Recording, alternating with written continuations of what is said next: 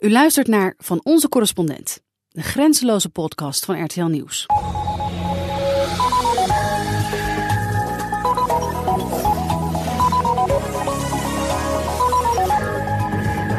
Welkom. Iedere twee weken praten de correspondenten van RTL Nieuws over de laatste actualiteiten in hun standplaats of over iets dat het nieuws deze week juist niet heeft gehaald.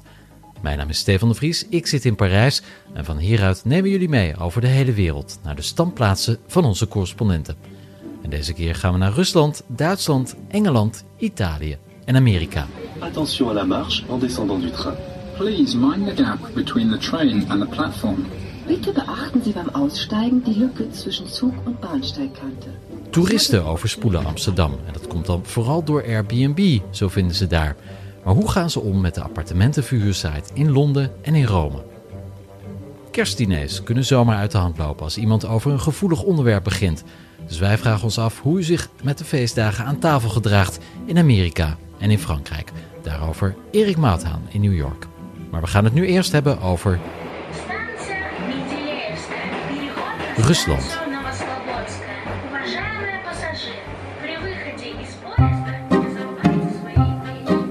Rinkelende alarmbellen deze week bij de Franse en Duitse geheime diensten. Zowel in Parijs als in Berlijn wordt gewaarschuwd tegen Russische hackers die mogelijk de verkiezingen in beide landen volgend jaar willen kapen. Die berichten komen op een moment dat steeds meer Europese politici positiever staan ten opzichte van Rusland. Is er sprake van een koude informatieoorlog of heeft Poetin dat helemaal niet nodig omdat hij steeds populairder wordt?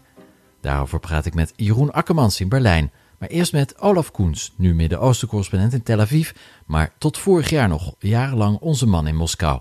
En Olaf kent Rusland door en door. Ja, Olaf, de wind in Europa lijkt te keren ten gunste van Vladimir Poetin. Hoe kijkt Moskou daartegen aan? Gaan de flessen vodka daar feestelijk open de laatste weken? nou, je moet je in de eerste plaats uh, realiseren dat als er gedronken wordt in het Kremlin, dan is het geen vodka, maar dan is het uh, hele dure Franse champagne. Daar hebben ze enorme voorraden van. Hè. Dat mag natuurlijk uh, vanwege de importsancties allemaal niet geïmporteerd worden, maar reken maar dat ze het in het Kremlin wel hebben. Um, ja, weet je, ik, om eerlijk te zijn, ik geloof niet zo in een heel groot Russisch complot tegen Europa. Rusland is heel goed in het uiteenspelen van uh, de wereldpolitiek op allerlei gebieden. Of dat nou op energiegebied gaat, of dat om de media gaat, of dat gaat om wat er in Europa speelt, in Frankrijk, in Duitsland, uh, in het Verenigd Koninkrijk. Rusland heeft dat heel goed in de gaten. En ja, daar slaat men af en toe een slaatje uit. Maar of dat allemaal met voorbedachte raden zo is gegaan, weet ik niet. Ik denk dat ze heel erg assertief zijn. Tenminste, ik weet zeker dat ze heel erg assertief zijn. Maar het is niet een groot vooropgezet plan. Dus de Europese onderlinge verdeeldheid van de laatste tijd komt de Russen eigenlijk goed uit. Zeker, daar, daar kunnen ze erg om lachen. Uh, want dat zijn ze in Rusland natuurlijk zelf niet. Uh, Poetin zit al 17 jaar uh, in het zadel. Heeft al die verschillende Europese leiders allemaal wel meegemaakt. En op een gegeven moment zie je daar een soort patroon in. Kijk, in Europa hebben ze last van dingen als democratie, van anticorruptieregelgeving. Moeten dingen worden, ja, er moet een soort consensus ontstaan. Uh, meerdere stemmen moeten gehoord worden. Dat hoeft in Rusland allemaal niet. En ja, daar, heeft men, uh, ja, daar plukt men het voordeel van. Laten we even kijken naar Frankrijk. Hier is François Fillon de gedoodverfde winnaar van de presidentsverkiezing van volgend jaar. Hij is close met Poetin en dat geldt ook voor Fillons tegenstander Marine Le Pen van het Front National. Hoe verklaar jij dat steeds meer westerse leiders sympathie lijken te hebben voor de Russische ja, ja, dictator? Daar zit een, uh, zit een aantal elementen in. In de eerste plaats is dat het een, een, een beroemd uh, uh, waanidee. Namelijk dat de vijand van jouw vijand automatisch jouw vriend is. de, de, voor Marine Le Pen, ja, ze heeft iets tegen het establishment. Ja, Vladimir ja. Poetin heeft ook iets tegen het establishment. En dus kan ik daar misschien wel een slaatje uitslaan. Kan ik daar iets mee? Le Pen heeft trouwens een, een enorme lening gekregen. Hè? Ik geloof iets van 12 miljoen van een Russische staatsbank via allerlei vreemde schimmige constructies. Nou, dat hoeft dus ook niet te worden terugbetaald. Um, ja, wat, wat, ja, nogmaals, ik denk niet dat daar een soort plan achter zit. Dat is gewoon handig. Uh, Rusland ziet uh, wat ze vroeger noemden useful idiots. Hè? Dat waren mensen die vrolijk meehulden met, met het Sovjetregime. ja, die zijn er nog steeds in Europa. en of de, ik vind het heel moeilijk om nou, om dat, is dat nou de fout van Rusland of is dat eigenlijk meer een soort weeffout in ons eigen systeem? Dat wij in onze democratieën het blijkbaar toelaten dat er, ja, dat er in Frankrijk politieke partijen zijn die miljoenen uit het Kremlin cadeau krijgen. Dat is denk ik het grotere probleem dan dat Rusland dat doet. Ik zou ervan uitgaan. Ja, de alarmbellen gingen af in Berlijn en Parijs. Is dat terecht, denk jij? Is er een reden om bang te zijn dat de Russen de verkiezingen gaan hacken? Ik heb er natuurlijk met een scheef oog naar zitten kijken. En ook en op basis van wat er in Amerika gebeurde. In Amerika waren ze ook heel bang dat de Russen de verkiezingen zouden hacken en zo.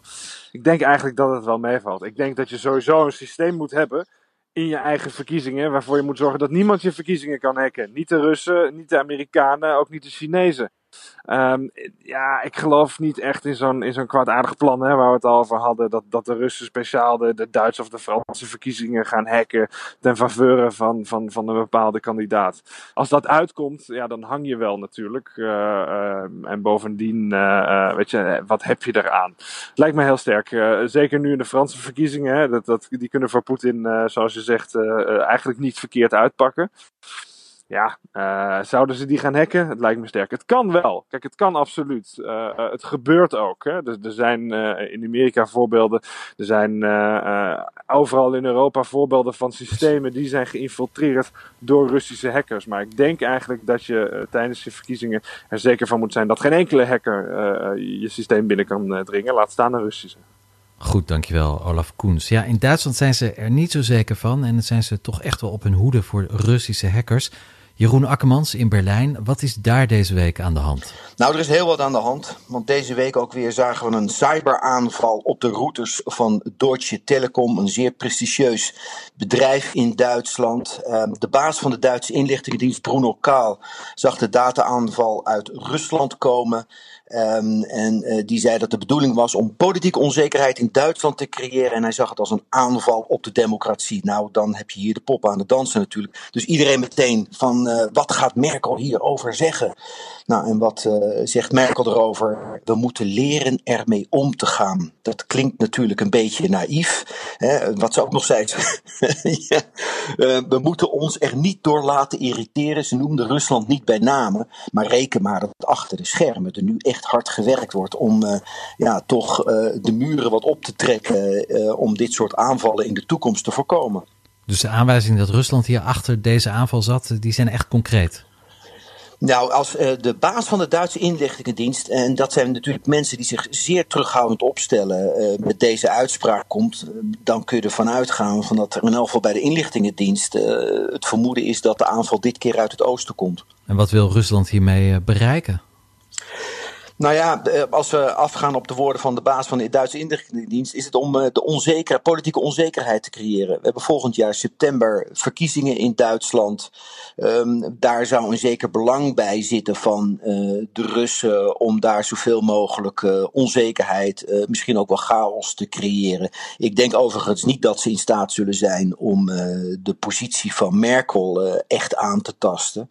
Maar ik denk dat ze het niet zullen nalaten om het in elk geval te proberen. ja, in elk geval die informatieoorlog die wel degelijk gaande is, over en weer, om die de mogelijkheden daartoe te te gebruiken en uit te buiten.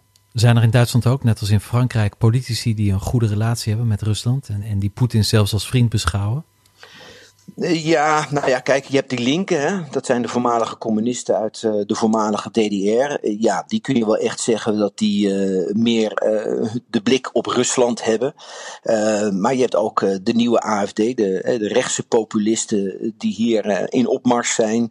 Nu staan ze op ongeveer 10 tot 15 procent als er vandaag in de Bundestag gestemd zou worden. Dus dat is wel degelijk een oppositiepartij om rekening mee te houden. Maar niemand denkt nu van dat ze überhaupt een bedreiging zouden kunnen vormen voor de positie van Merkel. Wat gaat Berlijn nu concreet doen om te voorkomen dat Rusland via de Ethernetpoort Duitsland gaat binnenvallen? Nou ja, dat wordt echt heel erg moeilijk. En dat is het natuurlijk ook van, uh, zie je hier maar eens tegen te wapenen. Ik sluit ook niet uit van dat uh, Duitse inlichtingendiensten hetzelfde proberen uh, in Rusland. Vorig jaar zomer hebben, naar blijkt, nu blijkt, Russische hackers zelfs geïnfecteerde mails naar parlementsleden gestuurd. En die waren tot diep in de IT-infrastructuur van het parlement gedrongen.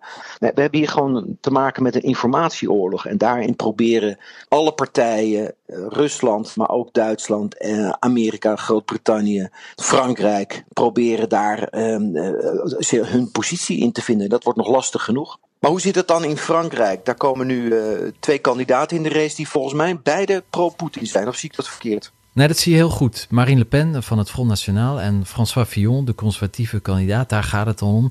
Uh, ja, die zijn beide toch wel uh, Russofiel of Poutinofiel. En daar worden veel vraagtekens bij gezet. De, de Franse geheime diensten, ook die waarschuwden deze maand voor Russische hackers. Maar ja, je, je kan je afvragen wat er voor de Russen hier te halen valt, omdat ze met Fillon en Le Pen hun nieuwe bondgenoten toch al klaar hebben staan. En dan kun je ook nog afvragen, Stefan, als ik je mag onderbreken, van in hoeverre dat überhaupt met die informatieoorlog te maken heeft. Of dat er inderdaad een daadwerkelijke steun is voor Fillon en, en, en, en Le Pen. Of denk jij dat er inderdaad daadwerkelijk toch een, een klein zetje in de rug is gegeven uit, eh, uit Moskou? Nou, ik denk zelf dat Rusland handig gebruik maakt van onze eigen politieke ja, chaos. En, en daarbij inzet op een paar figuren die geen bedreiging zullen zijn voor het Kremlin. Precies. En ja, ieder zetje is welkom. Je ziet het aan Le Pen. Hè. Die krijgt in Frankrijk geen eh, financiering meer rond. En die komt dan uit bij, eh, bij Russische banken. Tja, zo, zo rollen de roebels onze politiek binnen. Ik denk dat dit een onderwerp is waar we het nog wel een paar keer over kunnen hebben de komende maanden. Ik dank je in ieder geval, eh, Jeroen Akkermans, onze Oost-Europa-correspondent. Dit is van onze correspondent de grenzeloze podcast van RTL Nieuws.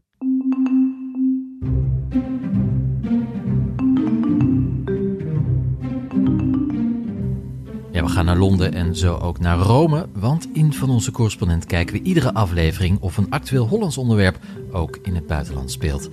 Deze keer hebben we het over Airbnb. De gemeente Amsterdam sloot een overeenkomst met die site om het verhuren aan toeristen van woningen aan banden te leggen. Amsterdammers mogen vanaf nu niet meer dan 60 dagen per jaar hun appartement vuren op de website. Ook in andere steden ligt Airbnb onder vuur. New York, Berlijn en Barcelona bijvoorbeeld proberen de site te verbieden, omdat het voor de inwoners van die steden steeds moeilijker wordt een huurwoning te vinden. Hoe staat dat in Londen en in Rome? Dat vragen we aan Anne Sane, onze correspondent in Groot-Brittannië, en Eveline Redmeijer, de correspondent in Italië. Eerst naar Anne. Ja, Anne, ook bij jou zat de gemeente Londen afgelopen week met Airbnb om de tafel. Ja, ook sinds kort een uh, overeenkomst gesloten. Het gaat in vanaf uh, april uh, volgend jaar, of de lente van volgend jaar. en wat hetzelfde eigenlijk als in Amsterdam. Ook hier werden huizen, gehele huizen, verhuurd voor eh, drie maanden of langer. En dat is een probleem, want er is al een krapte op de, op de huizenmarkt, de, de verhuurmarkt hier in, in, in Londen vooral. En uh, ja, dus mensen, gewone Londenaren konden geen korte huurcontracten meer krijgen, of überhaupt geen huurcontracten, omdat alles via Airbnb werd verhuurd. Wat natuurlijk veel makkelijker is voor de verhuurder. Nou, daar is nu een stokje voor gestoken. Vanaf begin volgend jaar mag dat niet meer. Airbnb mag niet langer dan 90 dagen, dus drie maanden, verhuren aan, aan toeristen. Nu hebben Amsterdammers veel kritiek op de Airbnb-reizigers die met hun rolkoffers over de keien de binnenstad eh, terroriseren. Is het imago van de Airbnb'er in Londen ook zo negatief? Nee, niet echt. Nee, nee. ik denk dat ze hier toch, uh, ook al is Airbnb hier enorm populair. Londen is uh, de derde grootste stad voor Airbnb.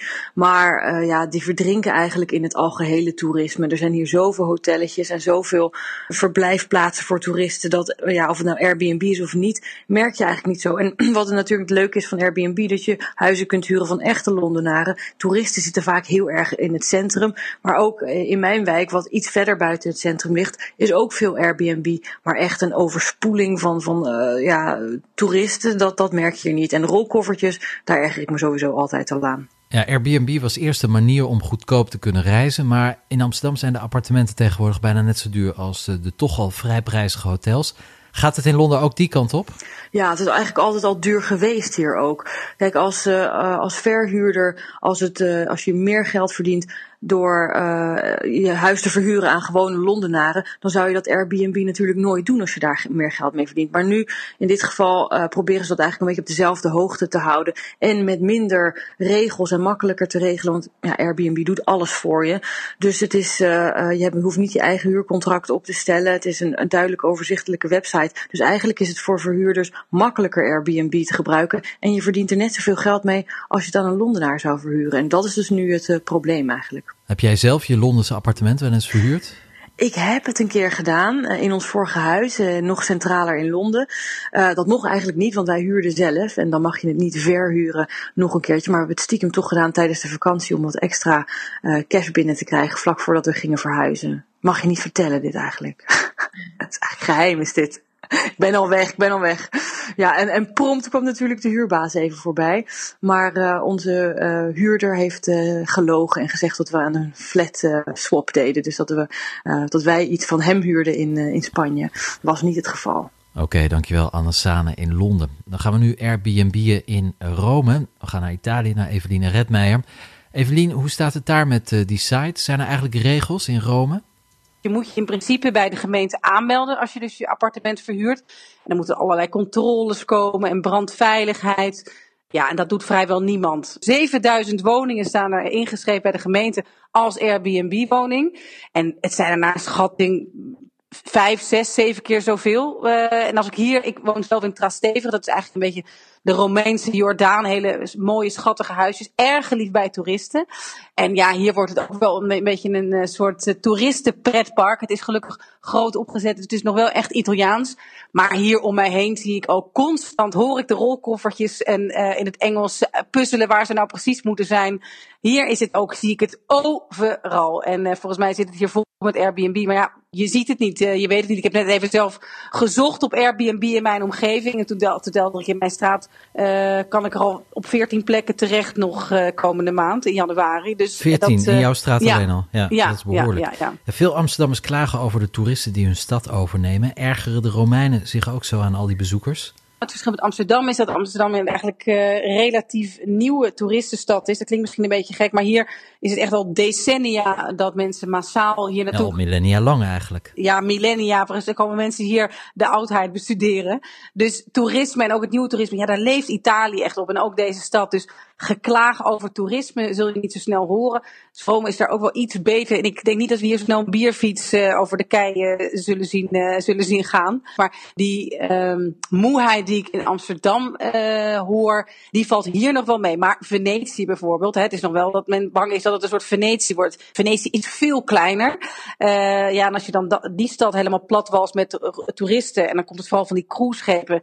Dat zijn gewoon, dat zijn ongeveer twintig voetbalvelden uh, lang en, en uh, vijf gebouwen, vijf verdiepingen hoog komt er dan. Dat, is bijna idioot gezicht hoe groot zo'n schip is in zo'n klein haventje. En die mensen komen dan 10.000 tegelijk, komen dan zo'n stad in. En die Venetianen worden daar helemaal gek van. En die zijn ook massaal uit die stad weggetrokken. In de jaren 60 moet je je voorstellen, woonden daar 120.000 mensen. Dus in het oude centrum met die kleine, um, met kleine kanaaltjes. En nu zijn dat er um, 50.000. En ieder jaar neemt dat uh, aantal mensen af. Dus het is echt een uitgestorven stad s'avonds aan het worden. Die mensen vluchten dus echt voor het massatoerisme? Ja, die vinden het een onleefbare stad geworden. En heb jij je eigen appartement wel eens verhuurd bij Airbnb? Eerlijk zeggen. Um, ja, dat heb ik wel eens gedaan. Dat heb ik wel eens gedaan. Maar ik moet zeggen, en dat is dus ook weer zoiets, even de marktwerking. Want ik woon dus in Trastevere. Ik dacht van, nou, al die rolkoffertjes. Hè, ik ben vaak uh, op pad voor werk, ga wel eens naar Nederland.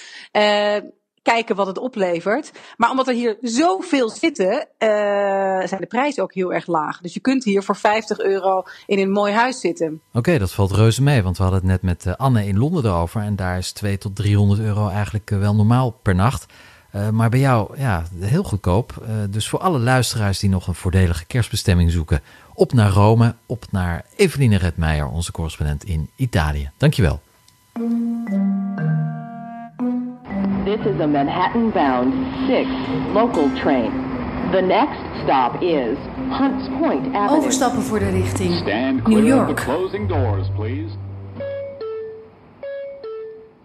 En daar zit Erik Mouthaan. Met hem gaan we praten over de feestdagen. Die gezellige tijd van vrede, samenhorigheid en lekker eten. Maar ook van explosieve discussies. Ik heb zelf wel eens met mijn vader aan de stok eh, gehad tijdens een kerstdiner. Dat ging over Irak en de oorlog en de weapons of mass destruction, die nooit gevonden werden.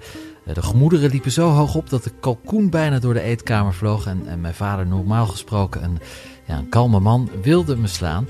Hij hield zich nog net in, maar ja, het kerstdiner was verpest. En voor zulke scènes moeten we dit jaar denk ik heel erg oppassen. Het was een rumoerig jaar, 2016, met de brexit, het Oekraïne-referendum, het referendum in Italië, de vluchtelingen. Kortom, over de hele wereld kunnen kerstdiners gigantisch uit de hand lopen. En ja, dan vooral in Amerika, waar de voor- en tegenstanders van Donald Trump uh, met elkaar nog de kerst door moeten. Uh, daar gaan we het over hebben met Erik Mouthaan. Uh, Erik, je hebt net zo'n gevoelig diner achter de rug met Thanksgiving. Hoe ging dat? Ja, nou ja, politiek, over politiek praten is sowieso heel omstreden in de Verenigde Staten. En uh, ik heb met mijn schoonfamilie Thanksgiving gevierd. En Thanksgiving is het feest, uh, zeg maar kerst vier je meer in je gezin. Maar Thanksgiving vier je ook met ooms en tantes en neven en nichten. En dus is er juist meer risico op een ruzie over politiek aan de tafel. En de urenlang kalkoen gegeten. En ik dan groente, want ik eet geen vlees. En Trump werd niet genoemd de hele avond, want iedereen had uh, min of meer stilzwijgend afgesproken: we gaan het niet hebben over de politiek. Dus het is echt een taboe dat je niet over politiek praat aan tafel? Nee, het hangt er vanaf. Als jij in, in, in, in, in een kring van gelijkgestemden zit, uh, als iedereen democraat is, ja, dan is het makkelijk erover praten. Als iedereen republikein is. Maar als je weet dat er, uh, oud, dat er zeer zit en dat er verschillende politieke opinies zijn. En voor mijn gevoel is dit echt een heel andere verkiezing dan eerdere verkiezingen die ik heb meegemaakt. Omdat er uh, beide kampen een soort moreel oordeel over elkaar velden. Ja, dus dus eigenlijk een enorme tweedeling in de maatschappij aan de gang. Steeds vaker zie je dat mensen zichzelf naar politieke groepen. Hè? Dus uh, heel veel mensen wonen alleen nog in een regio waar mensen het met een eens zijn. En juist bij die familiediners uh, uh, komt het allemaal samen, want dan komen ooms en tantes uit alle hoeken. En, en dan zie je, dan zou je zeggen dat is juist een manier om dan te gaan praten over die discussie in het land. Maar hoe is het eigenlijk in Frankrijk? Want ik neem aan, ik had dat het gevoel dat, dat ze daar veel meer, veel grager praten over politiek. Ja, politiek hier is, is wel een onderwerp waar mensen graag en veel over praten. Maar dat doe je dan toch meer met je vrienden. Met familie moet je wat voorzichtiger zijn. Dus ik, ik doe altijd heel erg mijn best om me in te houden. Dat lukt niet altijd. Um, maar daar heb ik wel een trucje. Uh, ze zeggen wel eens dat als een Fransman aan tafel zit, hij denkt aan wat hij gisteren heeft gegeten en, en praat over wat hij morgen gaat eten. Mm -hmm. Dus de keuken en wijn, ja, dat is altijd veilig. Uh, daar hou je het gezellig mee in Frankrijk. Dus ja, dat doe ik dan maar. Um, bestaan die onschuldige onderwerpen bij jou ook? Waar kun je je tijdens het komende kerstdiner in, in, de VS wel over hebben? Uh, uh, sport. Met Thanksgiving is er altijd een grote wedstrijd gaande. Uh, een soort American football. Dus daar kun je over praten. je gaat natuurlijk praten over hoe de stad verandert. En dat de huren onbetaalbaar zijn. En dat het allemaal slechter wordt. maar dat, was het, dat was het dan wel, denk ik. In ieder geval liever geen politiek. Liever geen politiek dus uh, tijdens de feestdagen. Die bewaar je dan maar voor je echte vrienden. Uh, dankjewel, Erik Mouthaan in New York.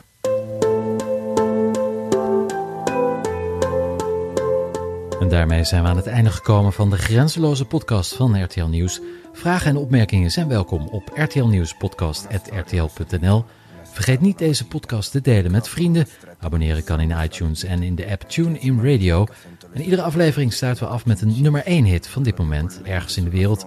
Deze keer kwamen we uit in Italië, waar premier Matteo Renzi aankondigde op te stappen na het verloren referendum. En daar staan deze week JX en Fedez, twee Milanese DJ's op één, met het nummer Ascensio. Bedankt voor het luisteren en tot de volgende keer.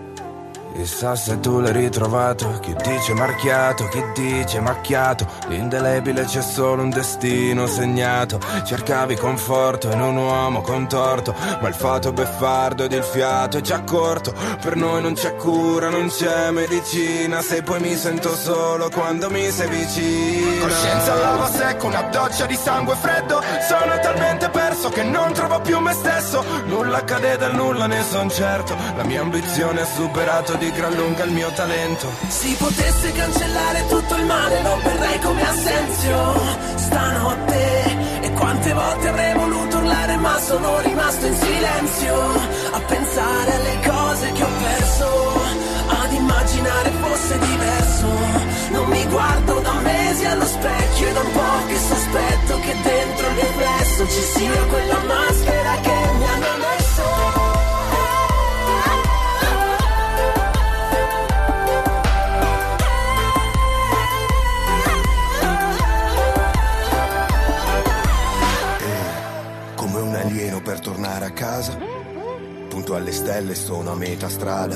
bambino ero felice quando nevicava. Adesso blocca il traffico, rovina la giornata. In mezzo a una folla di voci che acclama. Avere un radar e sentire solo quella solitaria che infama. Che poi la fama non ha utilità né importanza. Quando vedi chi ami andare via sull'ambulanza allora.